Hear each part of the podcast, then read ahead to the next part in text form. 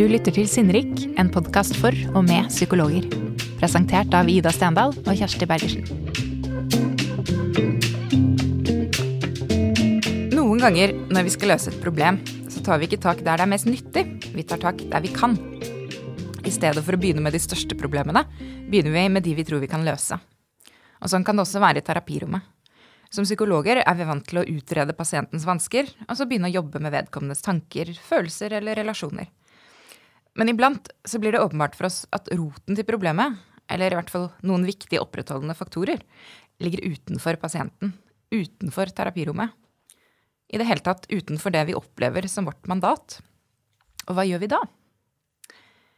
Ingvild Stjernen Tislaug er spesialist i samfunnspsykologi. Etter flere år som MST-terapeut er hun nå selvstendig næringsdrivende i selskapet Røynd. Der går hun litt utenfor den tradisjonelle psykologboksen og jobber bl.a. med kursing og veiledning av banker om hvordan det er for mennesker å leve med gjeld. Hun er opptatt av hva levekår har å si for den psykiske helsa, både på individ- og samfunnsnivå. Velkommen til oss, Ingvild. Tusen takk. Hva vet vi om sammenhengen mellom fattigdom og psykisk helse? Um, det er en veldig tydelig sammenheng mellom det å ha lite uh, og ha dårlig psykisk helse. Um, og hvis du tenker sånn globalt sett, så er det veldig tydelig at de landene som har mest sosial ulikhet, altså størst forskjell mellom de som har mye og de som har lite, eller uh, også mer uh, fattigdomsproblematikk, de har også høyere grad av psykisk sykdom. Um, det er ofte sånn at vi tenker at liksom, uh, depresjon og angst er litt sånn uh, overklasseproblem, eller at man uh, Hvis man Ja, at det er litt sånn ilandsproblem, da. Men det er jo ikke riktig. Um, men også i Norge, hvor vi har ganske lik Altså god levestandard generelt, så er det um, Ser vi en tydelig sånn sosial gradient, som det heter, da, mellom de som har høy inntekt og, og høy utdannelse, og de som har eh, lavere inntekt og lav eh, utdannelse. Så det er rett og slett høyere forekomst av en del psykiske vansker Mm. hos mennesker med lavere inntekt? Mm. Mm. Og le, altså, for eksempel, og her kan vi kanskje få behov for liksom eh, snakke litt om de ulike begrepene. Men Ja. nå sa du fattigdom, eh, Ja, og det er jo de Det var som vilje. ja. Ikke sant? Og det er jo de som lever helt uh, nederst på inntektsstigen. Mm. Nei, i, i Norge så, så er det de som har under 60% av medianinntekten. Mm. Uh, så mens vi kan også snakke om levekår, som er mer enn bare inntekt. Og så handler det mer om altså de ressursene du har, og muligheten du har til å bruke de ressursene for å skape deg et godt liv. Da vil vi også trekke inn um, utdanning og bosituasjon, eh, sosial støtte og nettverk, og liksom gå litt bredere da, enn bare inntekt. Mm. Ja, for det er interessant, syns jeg. For jeg vet at du er opptatt av å bruke fattigdom som begrep for å liksom ikke pynte på, pynte på ting. Men, men det er jo egentlig en relativ størrelse, da, på en måte. Absolutt. Og likevel så er det gjennomgående at det har en sammenheng med dårlig psykisk helse. Ja, ja det syns jeg også er veldig interessant når man spør eh, folk som opplever seg som fattige, da, eh, på tvers av land, så, så beskriver de ganske mye det samme. Eh, om vi spør på en måte ja, personer i eh, eh, i India eller eh, i Norge, så selv om fattigdommen arter seg veldig ulikt, så opplever de eh, en form for mangel, altså mangel på kontroll, eh, devaluering og utenforskap. Eh, Som følelse av å ikke høre til, da, ikke være med på det andre eh, kan delta på. Mm.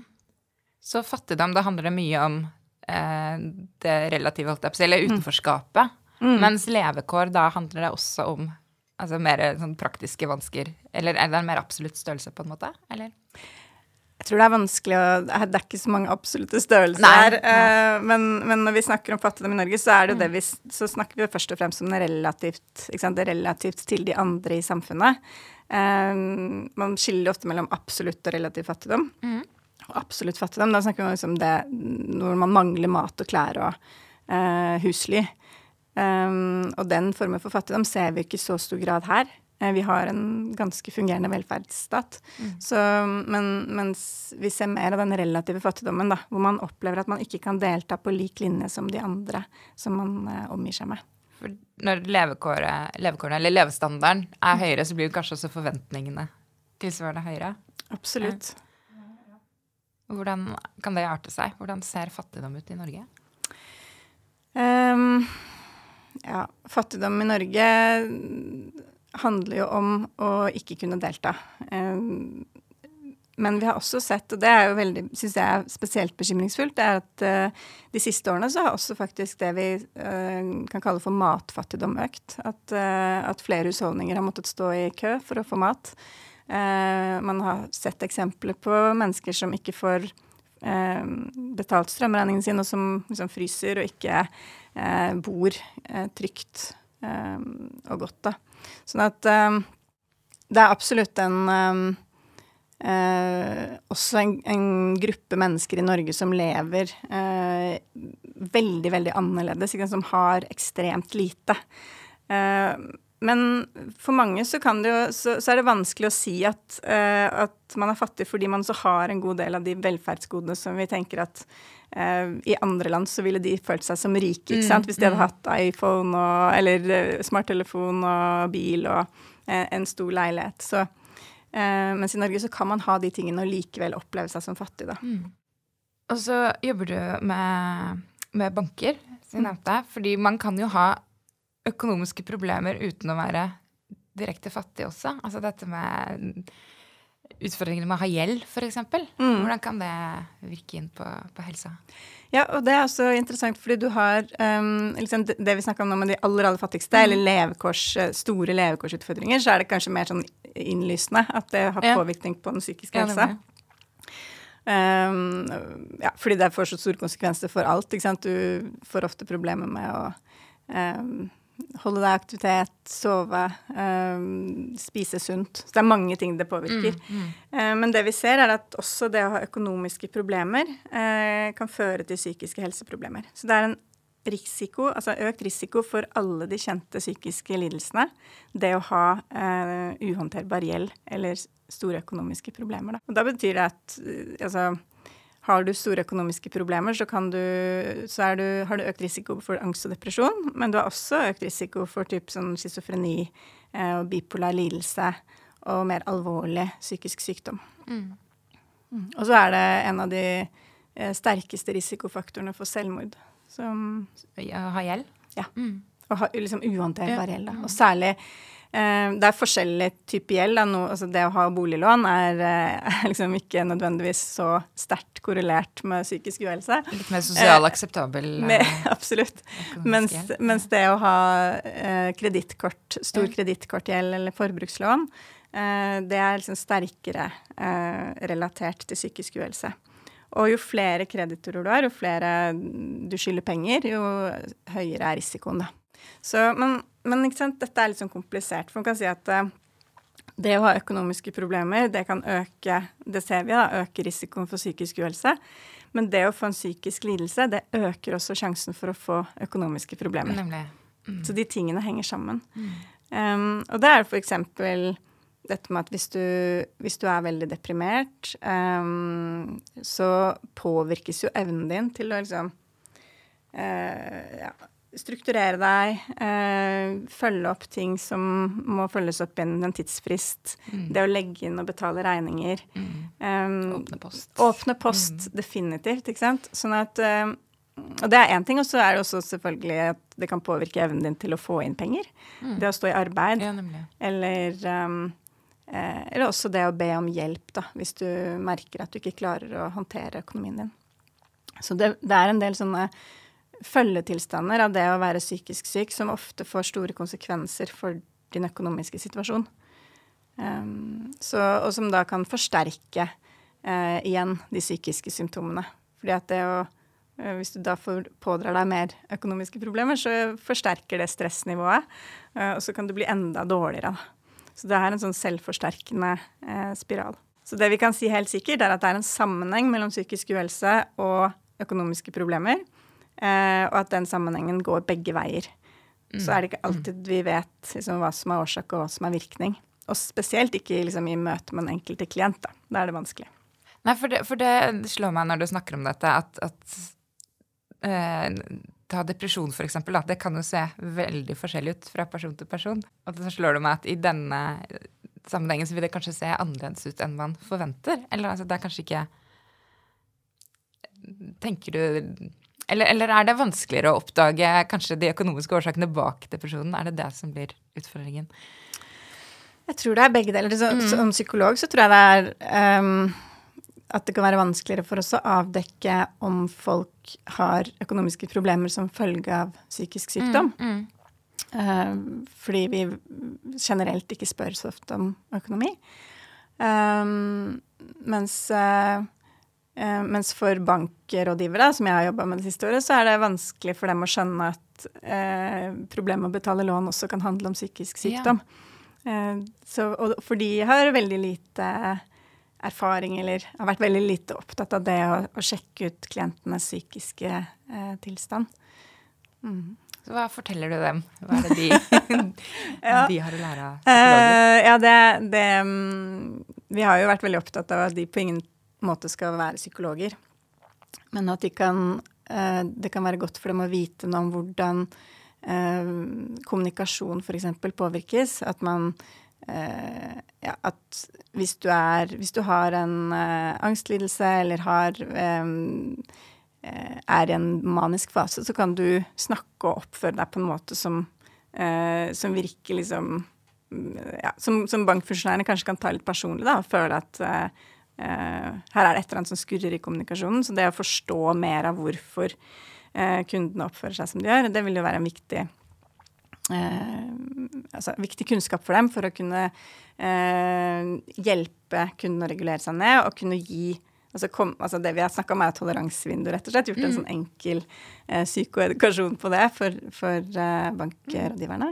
Eh, og at de har fokus på å hjelpe kundene inn i toleransevinduet sitt hvis kunden enten er overaktivert eller underaktivert. Um, fordi det er ikke noe vits å komme med gode økonomiske råd når kunden ikke er i stand til å ta det inn eller lytte. Så, så det er jo én ting. Og så har vi, har vi jobba med motivasjon. Hva er det som motiverer folk til å eh, følge opp eh, økonomiske forpliktelser? Eh, som handler mer om liksom, å, eh, å, skape en trygg relasjon eh, og gi kunden en eh, følelse av handlingsrom. At de liksom har ja, muligheten til å kanskje velge å få noen påminnere før de skal betale lån, istedenfor eh, at de får beskjed etterpå at du ikke har betalt. Ja, så det praktiske... ja ordninger. Ja, ja. Mm. Og form for kommunikasjon. Um, men også dette med kompetanse, da. Vi ser at mange altså Det er ganske sånn generelt i, i norsk befolkning at vi er ikke sånn supergode på økonomisk styring. Eh, og kunnskap om husholdningsøkonomi er liksom ujevnt fordelt. Så det å da også tilby noen sånne ressurser til kundene på hvordan de kan lære seg gode eh, husholdningsøkonomiske ferdigheter, da, det har også vært en, ett punkt. Mm vi har jobba med litt sånn forskjellige ting der. Men jeg, jeg tror um, all, den aller fineste tilbakemeldingen fra, fra, de rådgiverne fikk vi helt på slutten i fjor, når vi hadde gjennomført en del samlinger med dem, um, hvor, uh, hvor, en av kunderådgiverne også sa at um, dette har jo uh, fått meg til å ha lyst til å lære mer om min egen psykiske helse. Ja. Og hvordan vi snakker om psykisk uh, helse her mm. i banken. Og det tenker jeg altså, sier noe om at man har fått til en, kanskje en holdningsendring, da. Uh, ved å dele mer kunnskap om hva det gjør med deg å få en psykisk lidelse. Men også, hva, ja, men også, hva, økonomi kan gjøre med deg av stressrelaterte plager, da. Mm. Og så er jo økonomisk rådgivning til voksne mennesker én ting. Men for å gjøre det mer komplisert, du har jo jobbet med, med barn og ungdom. Mm. Og når barn og ungdom lever i lavinntektsfamilier, hvordan kan man jobbe med det? Hvordan kan en psykolog som jobber med barn og ungdom, forholde seg til det? Ja, det er det jeg har brukt eh, de siste årene på å prøve, ja. prøve å skrive og finne mer ut av. Um, min erfaring selv er jo at det, det, å snakke om det og koble det til eh, det strevet de ungdommene står i, i seg selv er viktig, da. Eh, jeg har møtt så mange voksne som har fortalt at de har liksom eh, gått i så mange år og skamma seg og følt seg feil. Følt at det er dem det er noe gærent med. Um, og aldri har noen på en måte um, hjulpet dem å se sammenhengen mellom det å vokse opp med veldig lite eh, og de plagene eller de utfordringene de har hatt da, og fått. Um, jeg har også sett uh, ungdommer som, uh, som har liksom, trukket seg tilbake, unngått å være med på ting og utvikle en sånn form for sosial utrygghet som følge av at det liksom er økonomiske og praktiske barrierer mm. for dem. og så på en eller annen måte så blir det til en del av, deres identitet, eller hvordan de opplever seg selv. Og så, um, og så mister de det De mister på en måte uh, forståelsen av at dette også handler om hvordan, altså hvilke ressurser familien min har. Uh, og, og, hvordan uh, samfunnet har skapt noen hindre for at jeg og min familie kan delta, da. Og det syns jeg er viktig når, vi, når du snakker om sånn, sammenhengen mellom psykisk helse og Eh, og fattigdom. At eh, man kan jo tenke seg at det, at det kan ligge i, i, individet. At det er sånn noen Du har noe sårbarhet med deg som gjør at du ikke får så god utdanning, ikke får så god jobb. Mm. Og så fører det til fattigdom. Um, men da kan vi også spørre oss om vi har, har vi, Da har vi kanskje skapt et samfunn hvor enkelte egenskaper, eller enkelte personlighetstyper, eller sånn enkelte ferdigheter eh, er verdsatt mer enn andre. Mm, mm. Eh, og som gjør at noen mennesker i Norge f.eks. vil slite med å, eh, å, få delta på lik linje som andre fordi de eh, har noen utfordring, utfordringer som liksom eh, ja, Som gjør at de ikke kommer inn på arbeidsmarkedet eller mm. Vi var inne på det i en tidligere episode. Mm. Dette med at kravene til å få seg en utdanning og få seg en jobb blir stadig høyere. da, At ja. du kan ganske mye lengre med la oss si, normalt evnenivå for 30 år siden enn du gjør i dag? Ja, det er kjempe... Jeg, synes, jeg tror Det er Ivar Frønnes som snakker om dette høyterskelsamfunnet. Jeg syns det er et utrolig godt begrep. Eh, fordi vi har lett for å tenke at det er folk det er noe gærent med, når de ikke klarer mm. å delta på lik linje, ikke får seg jobb, ikke sant. Men men eh, min påstand er jo at det, da må vi også se på de strukturene og liksom mulighetene. Hvor, hvor, er det vi egentlig legger lista ja, hen? Ikke sant? Eh, for det bidrar jo i veldig stor grad da, til å holde folk utenfor. Men, men, å jobbe med barn og unge, jeg tror det aller viktigste som jeg sa, er å, å, hjelpe dem å se eh, sammenhengene. Eh, snakke om det. Og så tror jeg vi som psykologer også skal være litt mindre redde for å eh, gå inn og, og prøve å endre de praktiske barrierene for deltakelse. For noe av de viktigste arenaene for barn og unge, det er jo skole og fritid. Eh, og selvfølgelig familie. Men, men um, en av de tingene som økonomiske problemer eller levekårsutfordringer har størst påvirkning på, det er jo barnas mulighet til å delta på fritidsaktiviteter og på å føle seg som en del av eh, et ja, normalt ungdomsmiljø. Da. Mm. Så, um, så, og, og, det hjelper jo ikke å sitte hos psykologen og, og ja, tenke annerledes, og så får du bedre, Nei, bedre råd. uh, og uten å liksom under, underminere betydningen av det å også gå inn og jobbe emosjonelt med liksom, de emosjonelle konsekvensene og jobbe med skam og sånn, så tror jeg vi skal noen ganger være litt sånn uh, handlingsorientert og tenke at her kan vi også prøve å påvirke selve situasjonen, da. Hvordan gjør man det som psykolog? Fordi vi var jo litt inne på det i innledningen, at, at, dette er jo faktorer som ligger utenfor terapirommet og litt utenfor det man kanskje tenker på som psykologens rolle. Hvilke muligheter har man som psykolog til å ta tak i disse tingene? Det aller viktigste tror jeg er å skjønne at psykologen ikke løser dette på egen hånd. Mm. At vi er nødt til å samarbeide med andre aktører, spesielt kanskje Nav eh, og barnevern, som har et annet mulighetsrom, da, som har, eh, kan gå inn og, og, bistå med kompenserende tiltak eh, i større grad enn det du kan som psykolog. men det går også an å jobbe altså, Og dette vil være veldig forskjellig for hvor du jobber som psykolog. Hva slags muligheter du har. Rammene dine vil jo påvirke i stor grad. men psykologer som jobber tett opp mot skole, f.eks., kan jo også tenke at én ting er hva jeg gjør i møte med den enkelte ungdom, men jeg kan jo også ha en rolle overfor skolen uh, ved å veilede på hvordan kan denne skolen sikre uh, at uh, barn som, også, som, kommer fra familier med lavinntekt, også føler seg integrert og, og, som en del av fellesskapet. Mm. og min erfaring er at mange skoler eller veldig få skoler har det spesifisert i sin strategiplan, at de skal jobbe for, mot sosial ulikhet i, i utdanning, f.eks. Som er hvis, man, hvis, man kunne, hvis, man, kommer inn som psykolog, så kan man også veilede da skolen på at dette er lurt å ha som en målsetning. Og hvordan ser det ut på deres skole? Hvordan klarer dere å liksom ivareta de barna som kommer på skolen og kanskje er sultne, som ikke nødvendigvis har med seg det utstyret de trenger, eh, som ikke kommer på klassetur, og som sitter i klasserommet hver, hver, dag og ser at andre barn får yoghurt og frukt og melk, men de ikke får det. Mm. Sånn, så hvordan, helt konkret, da. Um, så, så, det er én måte å gjøre det på. Så kan man jo kanskje eh, også eh, ha en dialog med familien. Det er jo tross alt ikke barna som er fattige, det er familien som har dårlig råd. Eh, og prøve å finne Eh, styrker og ressurser som kanskje kan også kompensere for de konsekvensene som, som fattigdom kan dra med seg. Da. Mm. Men jeg vil jo tro at barn og ungdom også kan være opptatt av å skjule at familien har dårlig råd. Det er sikkert mye lojalitet overfor foreldre. Kan det være vanskelig å skjønne at det er eh, økonomiske vansker som kan være en del av problemet? Ja. Det, de fleste rapporter jeg har lest, hvor man har snakka med barn og unge og deres opplevelse av fattigdom, så, eh, så, bruker de enorme ressurser på å skjule det.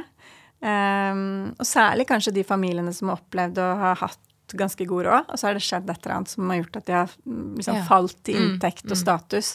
Eh, der bruker både foreldre og barn veldig mye eh, ressurser på å ikke vise at de har eh, dårlig råd. Eh, som igjen selvfølgelig er en risiko for å pådra seg mer gjeld, fordi at man mm. prøver å leve sånn som man alltid har gjort. Um, men, eh, men, det de også sier, disse barna, er jo at uh, de skulle ønske at, at voksne spurte. Okay. At de skulle ønske at, at lærere, helsesykepleiere og psykologer og leger kunne vært tydelige på at de så um, at, det, at, dette kan være en utfordring, og at de spurte helt direkte om hvordan det Eh, hvordan det er i forhold til eh, økonomi og levekår, da. Så mm, kanskje vi ikke skal være så redd for å, eh, å spørre selv når vi ikke tenker at, at det er aktuelt.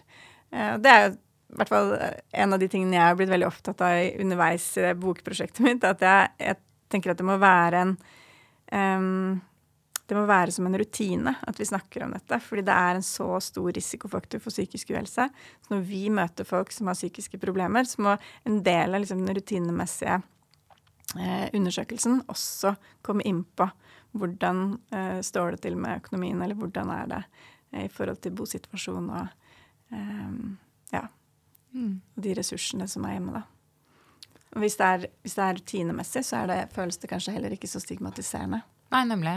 Det blir en del av liksom åpne samtalen. Mm. Mm. Hvordan kan man spørre om det? Hvordan kan man tematisere økonomi? Eh, det går jo an å være vel, altså normalisere, tenker jeg er en viktig inngangsport. Da. At man sier at dette vet vi. Vi vet at, uh, at med psykiske problemer så kommer det ofte også Eller så det henger sammen mm, med økonomiske mm. problemer.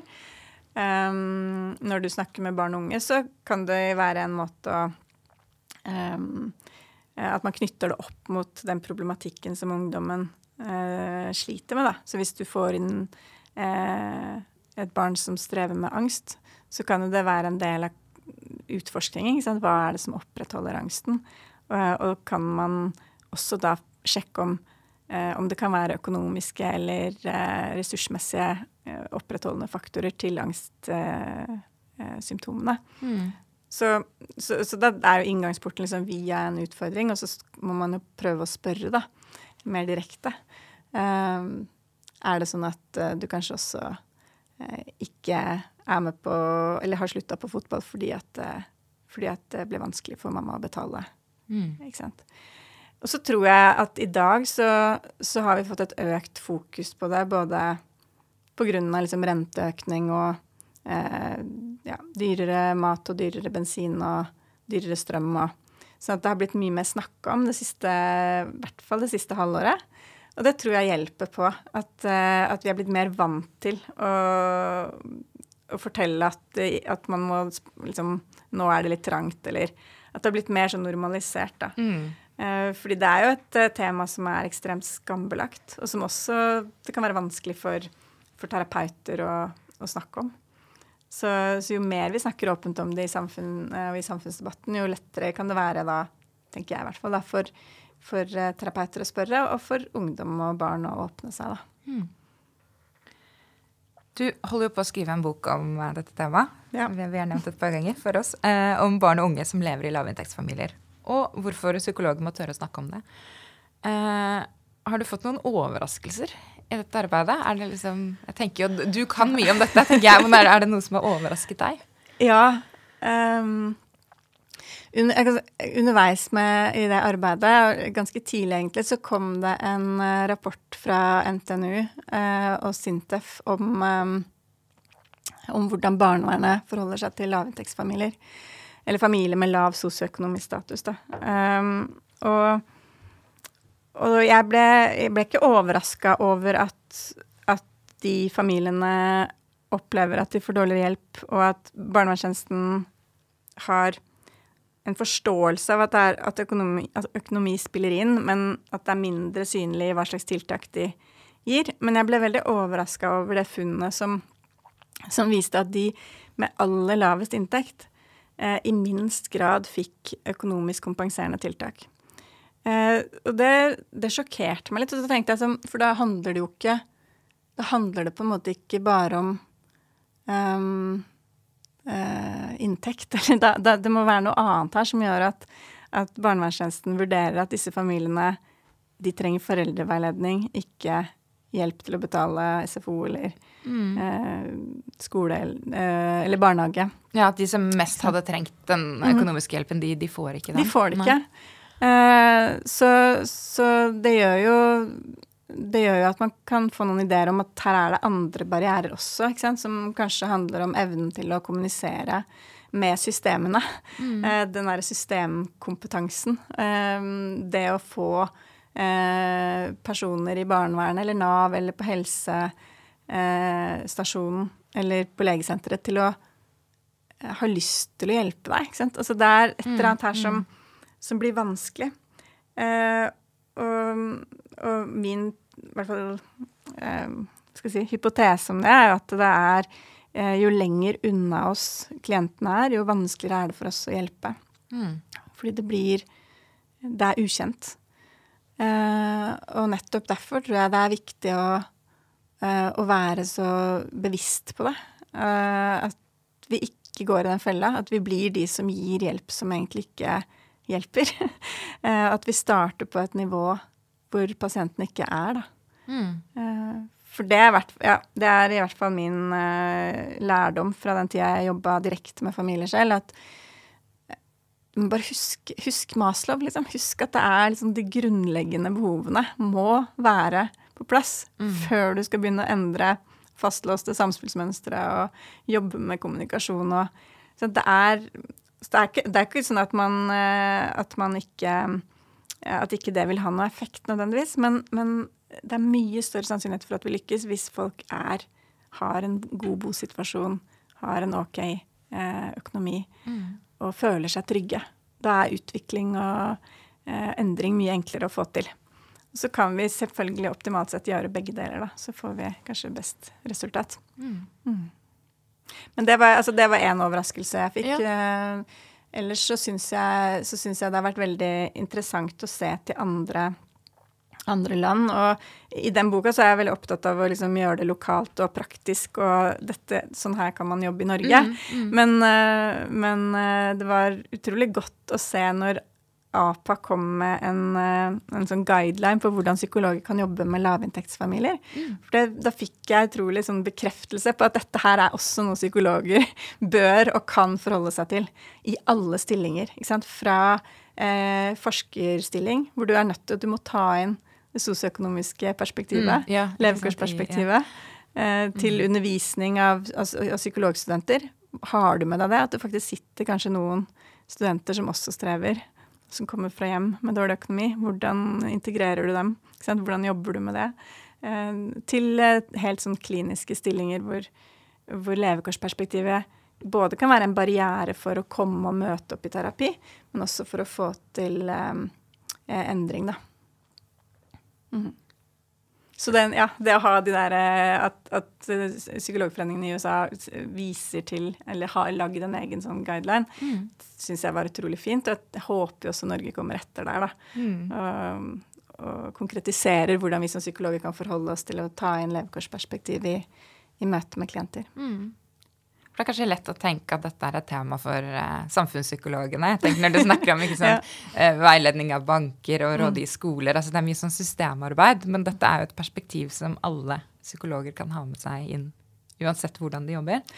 Ja, og så tror jeg nettopp det der med hvor utrolig nært forbundet uh, økonomiske problemer og, og levekårsutfordringer er med følelse av uh, identitet og skam. Altså de to Og dette er, jo, og dette er jo temaer som psykologer forholder seg til i aller høyeste grad i terapirommet. Mm. Um, men at det, det, å liksom knytte det spesifikt til uh, levekårssituasjonen og, og, liksom vise den sammenhengen og hjelpe folk å få en forståelse av hvordan de påvirkes og, uh, og hvilken betydning dette har for dem i, i hverdagen og i i forhold til deres utviklingssjanser, da, så, så, tror jeg vi har en god vei å gå.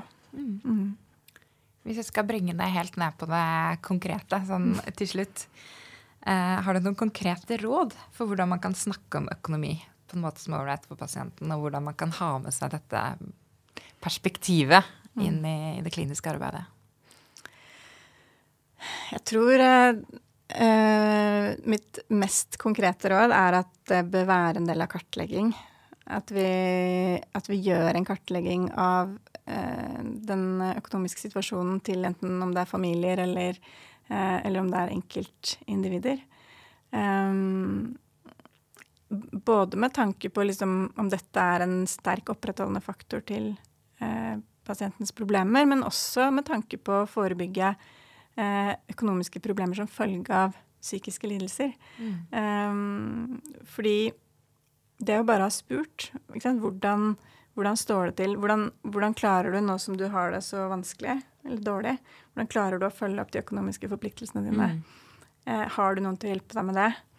Um, det kan være en veldig, veldig viktig forebyggende Eh, et forebyggende tiltak, da. Mm. Da viser du på en måte at dette er en vanlig konsekvens av sånn som du har det nå? liksom? Ja, mm. og du kan også selvfølgelig gi eh, informasjon og, og, hjelpe folk over inn til Nav, som kan hjelpe dem mer i forhold til gjeld og, og økonomisk rådgivning. Og også i forhold til Altså, bankene har jo også gratis økonomisk rådgivning til alle kundene sine, som, så det er jo noe som er greit å vite om, da. Um, men jeg tror det å, det å liksom standardisere det som en del av Dette vet vi henger sammen. Uh, hvordan påvirker det deg? Har du noen som kan hjelpe deg med det? Uh, eller hvordan er dette en barriere i ditt liv? Ikke sant? Um, vil være en viktig start. Og så har jeg troen på at de aller fleste psykologer uh, kjenner klientene sine etter hvert og vet hvilke ord de kan bruke som, mm. som føles ok. Um, samtidig som jeg har innmari tro på dem å øve seg, da. Trene på en setning som ligger godt i munnen. Og mm, som mm, Finne føles, sine egne ord. Ja, ja, og som føles mm. ok for deg, ikke sant. Mm. Uh, og jeg har vært opptatt av det å bruke ordet fattigdom. Ja. Uh, fordi at, spesielt fordi ung, barn og unge sier tydelig at det er det det er, mm. på en måte. Uh, men jeg vil også være sens sensitiv i forhold til å bruke det begrepet i møte med en enkelte klient. Ja. For det er ikke sikkert at det oppleves greit. Nei, at jeg sier 'hvordan er det å være fattig', liksom. Det er ikke det. det er ikke sikkert at det ville vært så ålreit. Mm. Så man må kanskje Det kan jo være lurt å, eh, å starte med litt mer sånn nøytrale begreper i en sånn samtale. Da. Mm. Si at eh, dette med økonomiske problemer, det vet vi henger sammen med, mm. med helsa. Mm. Hvordan er det for deg? Gode råd, Ingvild. Tusen takk. Takk for at du kom. Takk for at jeg fikk komme. Hei, Ida. Hei. Du poppet innom, du. Fordi dette var sesongens siste episode. Ja, det var det. Nå er eh, vårsesongen over med denne episoden. Og da ville vi jo gjerne si takk for i vår, begge to. Det vil vi. Og så må dere jo følge oss på Instagram, Sinnrik podkast, eh, gjennom eh, våren og sommeren. Eh, for å se hva vi holder på med, eh, hva som kommer ut av spennende bøker og nyheter fra oss. Og hva som skjer til høsten. Nemlig. Vi hadde en gjest i dag. Det var Ingvild Stjernen Tisløv. Andrea Kruger var produsenten. Musikken er som vanlig laget av Johanne Samble. Og eh, i studio er Kjersti Bergersen. Og Ida Stendal. Takk for at du hørte på.